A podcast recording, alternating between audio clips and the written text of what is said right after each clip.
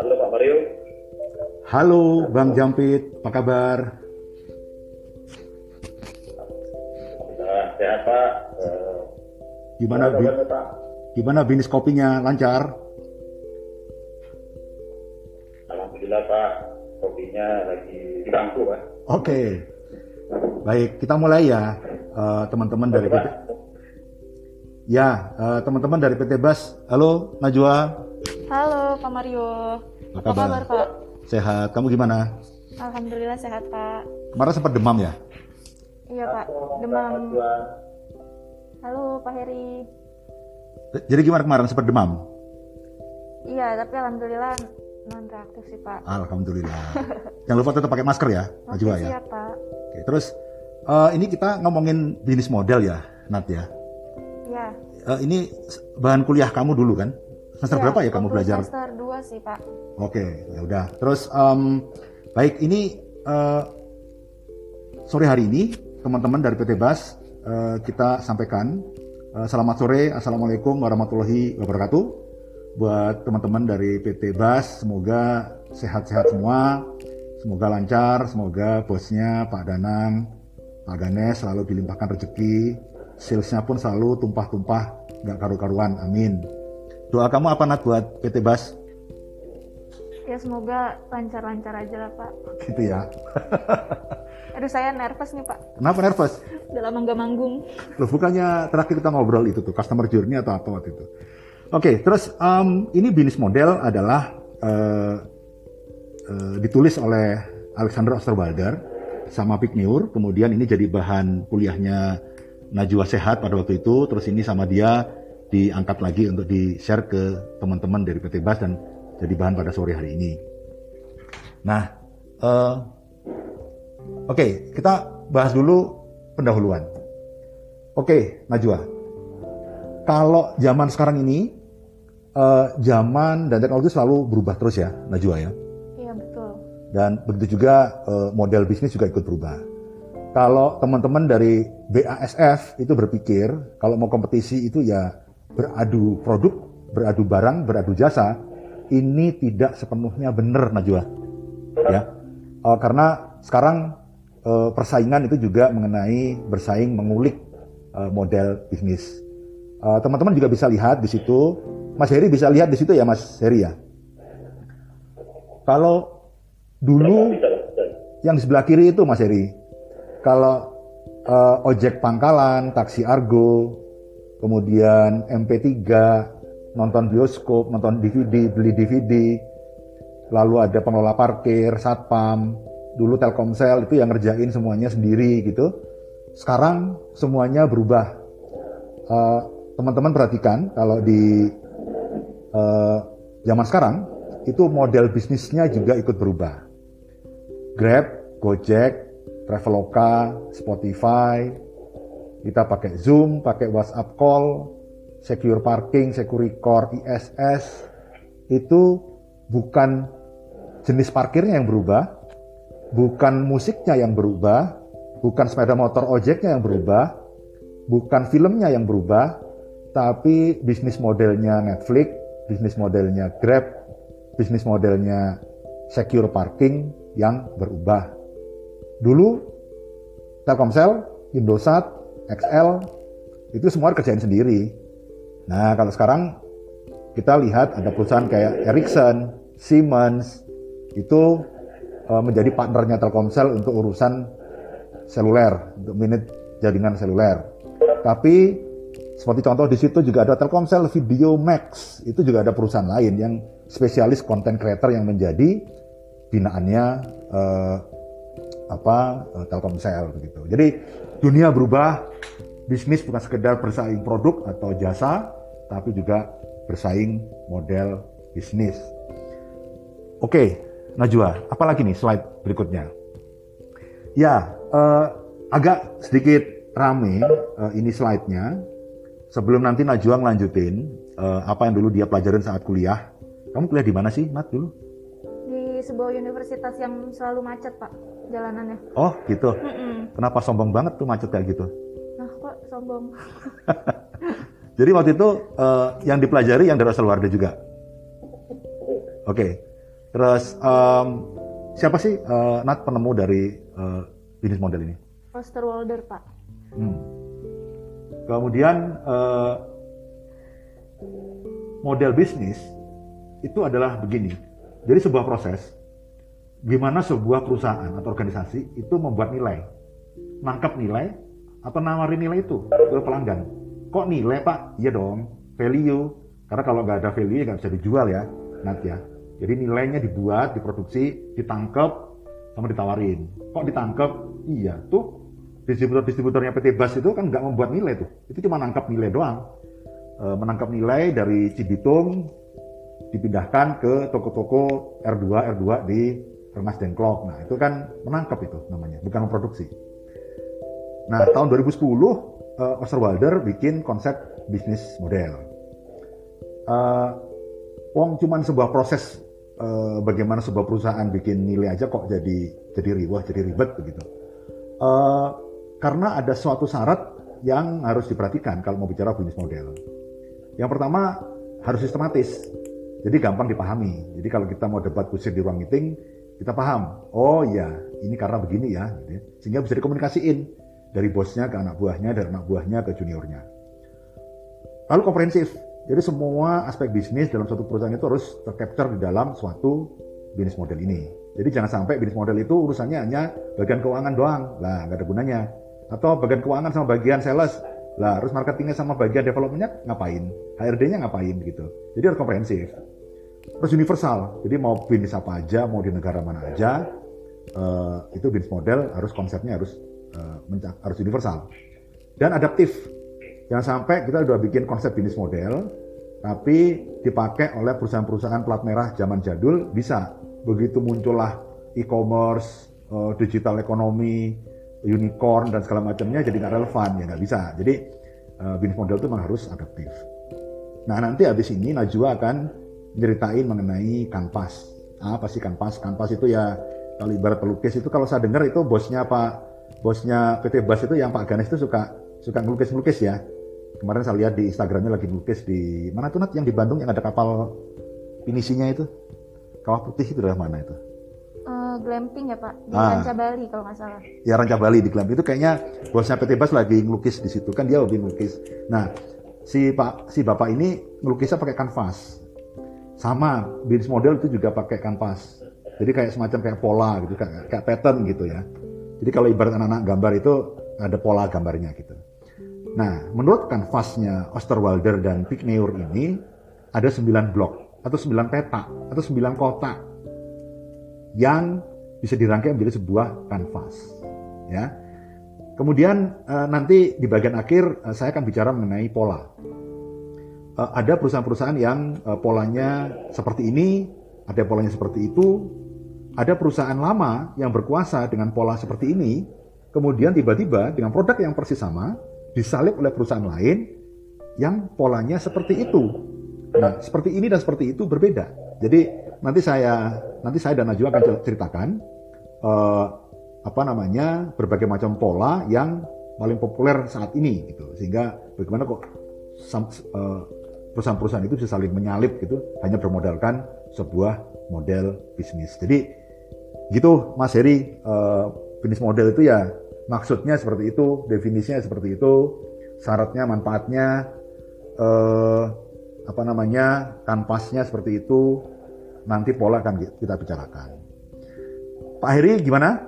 Pola bisnis modelnya kopi jampit? Boleh cerita nggak? Eh, dari pola. Jadi, jadi belum bisa jelas polanya ke mana Pak. Karena mesti betul-betul kelihatan. Mungkin nanti akan banyak sharing dulu dengan Bapak Mario supaya polanya seperti apa. Itu. itu. Ya. Oke, eh Najwa boleh ke ke Oke, kanvas nih. Boleh. Gilirannya Najwa nih. Ayo Nat. Boleh. Oke, seperti yang tadi udah dijelasin sama Pak Mario, eh, bisnis model kanvas itu adalah se- per- sebuah perusahaan membuat nilai dan menawarkannya kepada calon pelanggannya. Ada apa aja sih bisnis model kanvas itu? Jadi bisnis model kanvas itu mengandung 9 aspek. Yang pertama itu ada customer segment, value proposition, channel, customer relationship, revenue stream, key resources, key activities, key partner, dan cost structure. Uh, kira-kira pengertian dari masing-masing aspek ini apa aja sih?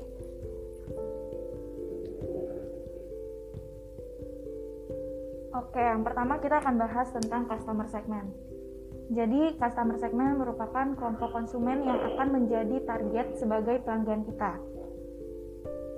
Kita juga harus benar-benar memahami dan bisa mendefinisikan siapa saja siapa calon segmen target pelanggan kita. E, contohnya itu ada mass market dan niche market.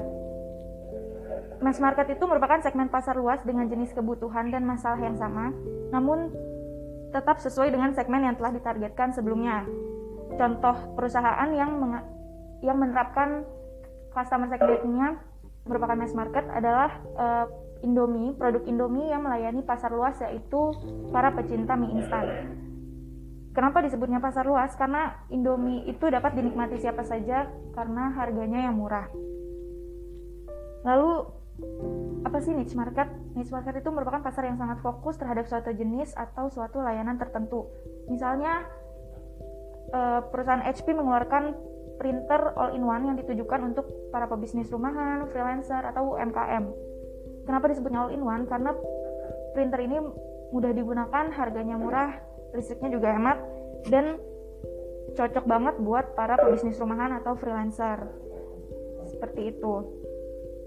Selanjutnya itu ada value proposition. Setelah menentukan customer segment, kita akan menentukan value proposition. Apa sih value proposition? Value proposition merupakan nilai atau value yang kita tawarkan untuk calon pelanggan kita. Keunggulan dan kelebihan produk kita dibandingkan para pesaing kita yang sudah ada. Ada beberapa kategori untuk value proposition ini yang bisa dipilih oleh sebuah bisnis atau sebuah perusahaan. Antara lain itu ada newness, customization, dan cost reduction. Untuk newness, Newness merupakan produk atau jasa yang ditawarkan oleh sebuah perusahaan yang belum ada sebelumnya. Biasanya kategori ini kita sering temui di bidang teknologi ya Pak ya. Hmm, contohnya? Contohnya misalnya Gojek yang tadi Bapak sebut. Hmm. Sebelumnya itu kan nggak ada. Nggak ada dan hanya ada ojek pengkolan dan kita juga harus effort jalan kaki. Oke. Okay. Eh, lalu yang kedua ada customization Customization ini menawarkan produk atau jasa yang berbeda untuk setiap segmen yang memiliki kebutuhan berbeda. Hmm. Misalnya ada dari Gojek lagi nih. Gojek itu kan ada GoRide, ada GoCar dan GoFood. Jadi uh, kita bisa menyesuaikan dengan kebutuhan kita. Kalau misalnya kita mau buru-buru, kita bisa naik GoRide. Kalau misalnya mau yang lebih nyaman dan nggak kena panas-panasan, kita bisa pesan GoCar. Terus juga kalau lapar, kita bisa pesan GoFood. Dan untuk cost reduction itu merupakan produk atau jasa yang ditawarkan oleh sebuah bisnis untuk membantu customernya mengefisiensikan biaya pemakaian yang biaya pemakaiannya. Misalnya ini ada mobil Tesla. Mobil Tesla ini nggak perlu isi bensin karena cuma pakai listrik di charge gitu. Uh, mm, sebentar, Nat. Berarti kalau bicara produk atau jasa, kita ini sebagai orang awam kan kalau bisnis ya kamu jual produk apa, kamu jual servis apa kan begitu kan. Tapi bagi sebuah konsep bisnis model, itu bukan produk atau jasanya yang dipertimbangkan gitu ya.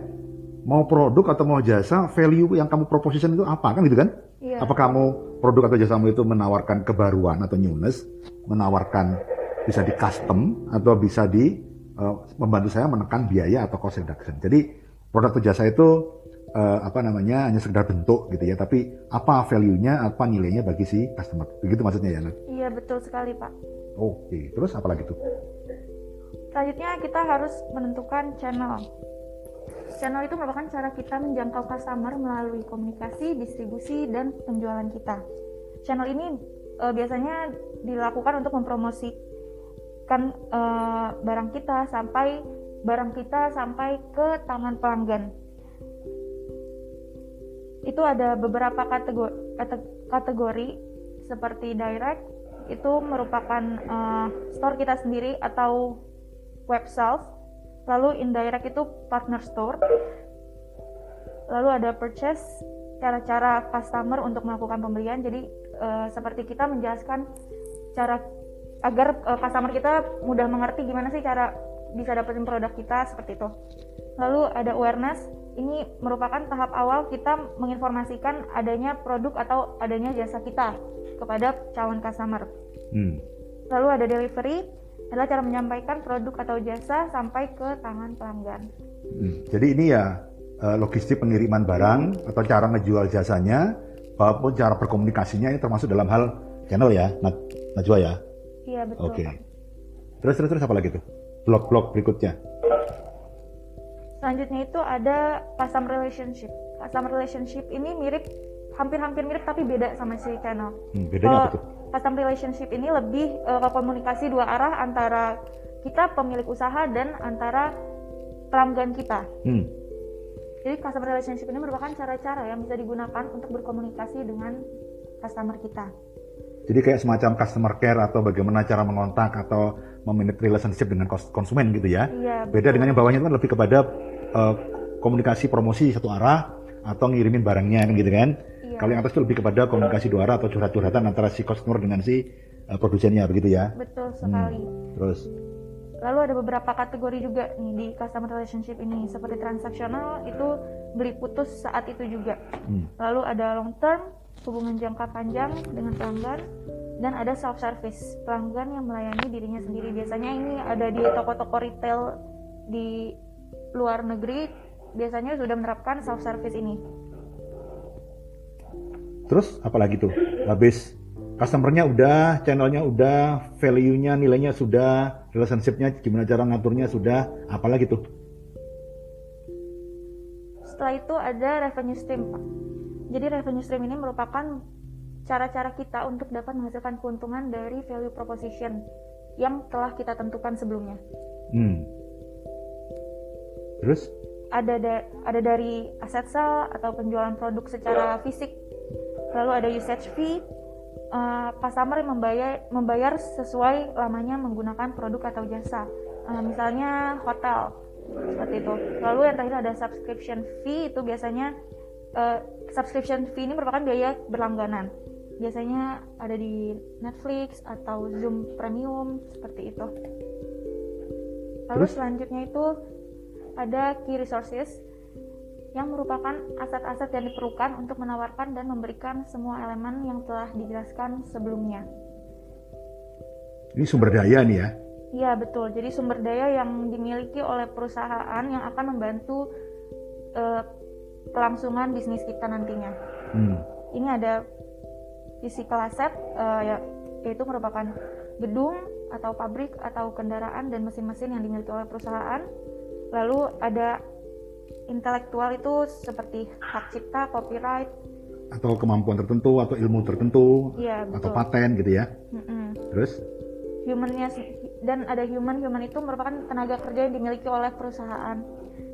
Lalu ada finansial, sumber daya keuangan perusahaan seperti cash, kredit, obligasi dan saham. Oke, sumber dayanya udah. Terus apa lagi?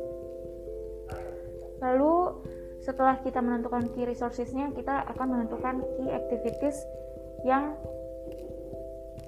lalu akan ada key activities yang akan kita tentukan. Key activities ini merupakan kegiatan wajib yang dilakukan oleh perusahaan untuk menghasilkan value proposition yang telah kita tawarkan sebelumnya, seperti production dan problem solving. Jadi sebenarnya key activity ini, key activity ini sebenarnya adalah ya kegiatan perusahaanmu itu apa kan gitu tuh? Iya. Kamu tuh perusahaanmu ngapain sih? Dan gitu kan? Ya, Oke. Terus? Terus juga ada key partner yang merupakan pihak-pihak yang bisa kita ajak kerjasama demi kelancaran bisnis kita. Itu ada tiga tujuan. Yang pertama ada optimization and economy, yaitu kita berpartner dengan perusahaan lain untuk mengoptimalkan alokasi sumber daya dan aktivitas. Karena sebuah perusahaan itu tidak memiliki semua sumber daya dan tidak mungkin melakukan kegiatannya sendiri. Lalu yang kedua ada reduction of risk and uncertainty, yaitu mengurangi resiko dan ketidakpastian dalam lingkungan persaingan. Dan tujuan yang ketiga ada acquisition of particular resources and activities, yaitu mengakuisisi perusahaan lain untuk meningkatkan kemampuan kinerja perusahaan kita. Uh, ini kayaknya uh, key partner ini bukan sekedar supplier doang ya, tapi juga uh, dalam rangka mengurangi risiko saya berpartner dengan orang lain. Dalam rangka ningkatin skala ekonomi biar harganya murah, saya partneran sama orang lain. Kayaknya ke arah situ juga ya Najwa ya. Iya betul Pak. Hmm. Terus terakhir Nah yang terakhir Biayalah. ini adalah cost structure, yaitu rincian biaya-biaya terbesar yang harus dikeluarkan untuk melakukan key activities dan menghasilkan value proposition. Itu ada fixed cost dan variable cost. Jadi sem- kesembilan aspek ini Ya. saling berhubungan Pak. Ya, oke. Eh, sebentar Najwa. Ini kamu kan panjang lebar nih. Nyeritain blog, ada 9 blog, bisnis model. Kita semua ini kan pengusaha ya. Saya gini-gini juga usaha kecil-kecilan lah di rumah. Kamu juga, papamu juga usaha juga. Saya pikir teman-teman di PT Bas ini juga sebagian juga sudah punya usaha masing-masing juga gitu ya. Ini kan sesuatu yang nggak rumit. Ini Ini sesuatu yang sangat basic dan sangat dasar sekali. Mas Heri, coba Mas Heri, eh, mana Mas Heri? Ya Pak. Coba dilihat ini penjelasannya Najwa yang panjang lebar luas keliling ini. Ada yang aneh kah? Ada yang baru kah? Ada yang hebat kah? Coba Mas Heri sebagai pengusaha kopi melihat ini. Kalau yang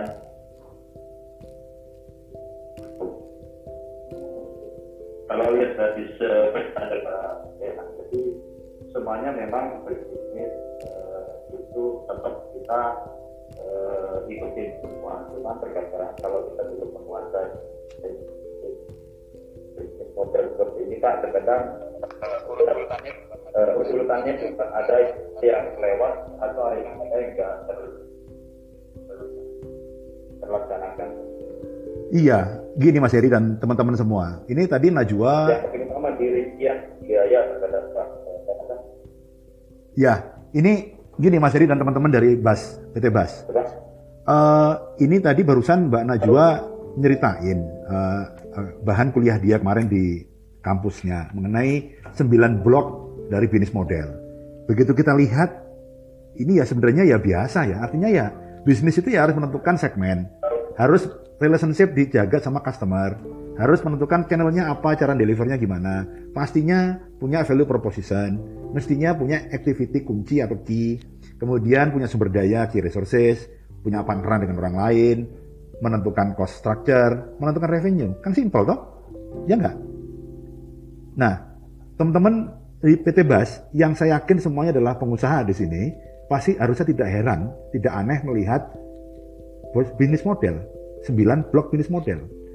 Tapi eh, teman-teman saya dan Najwa akan membawa teman-teman ngoprek-ngoprek, ngutak-atik, mendeep dive bisnis-bisnis yang aneh bin ajaib saat ini di luar sana dengan konsep yang simple yaitu 9 blok bisnis model ini.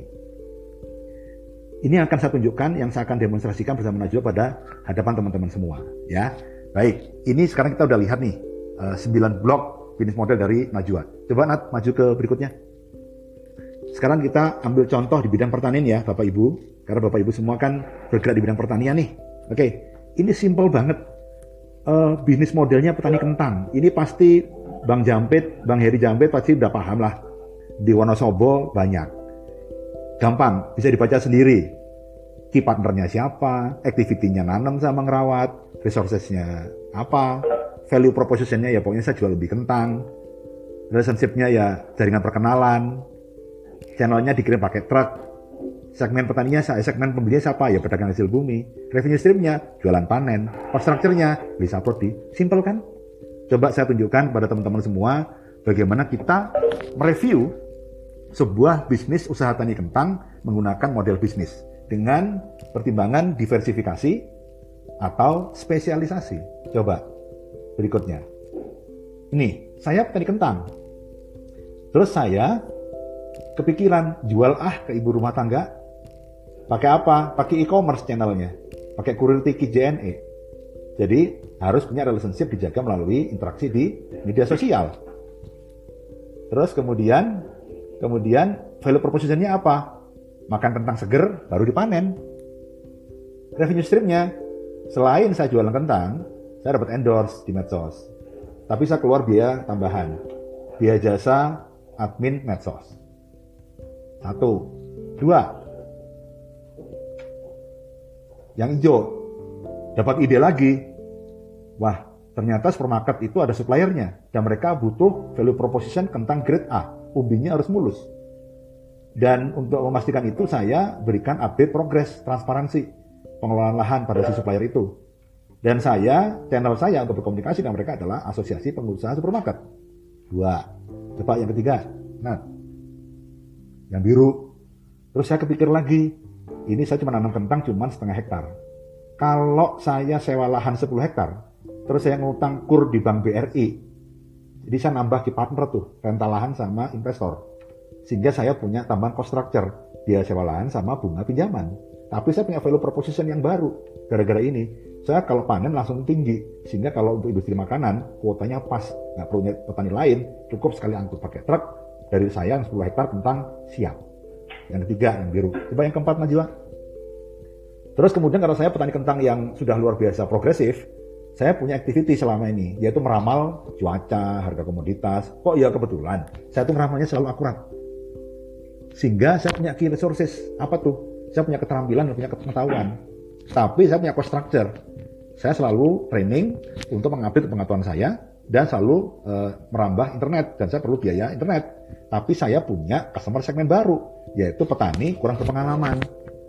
Dan saya bisa mengungut jasa. Oh, Pak Mario biaya konsultasi perkentangan. Saya dapat revenue stream tuh, jasa pelayanan, training atau peramalan ke petani lain. Terakhir. Nah, yang warna pink. Bapak-bapak bisa lihat, saya nemu lagi. Ternyata ada gap. Supplier pasar di kota-kota dengan pengepul di desa-desa itu nggak connect. Sehingga saya punya customer segment yang baru, yang seperti saya, saya tuliskan di sebelah kanan itu. Dan saya membuat key resources yang baru, platform online yang menghubungkan pengepul dengan supplier. Dan saya punya activity yang baru, yaitu negosiasi dan entertain mereka. Saya punya struktur biaya yang baru, biaya developer dan maintenance platform online, tapi saya punya revenue stream yang baru juga, fee transaksi di platform online. Ini contoh bagaimana suatu usaha tani yang simple, petani kentang, dengan niat mau diversifikasi dan atau spesialisasi bisa menggunakan pendekatan bisnis model.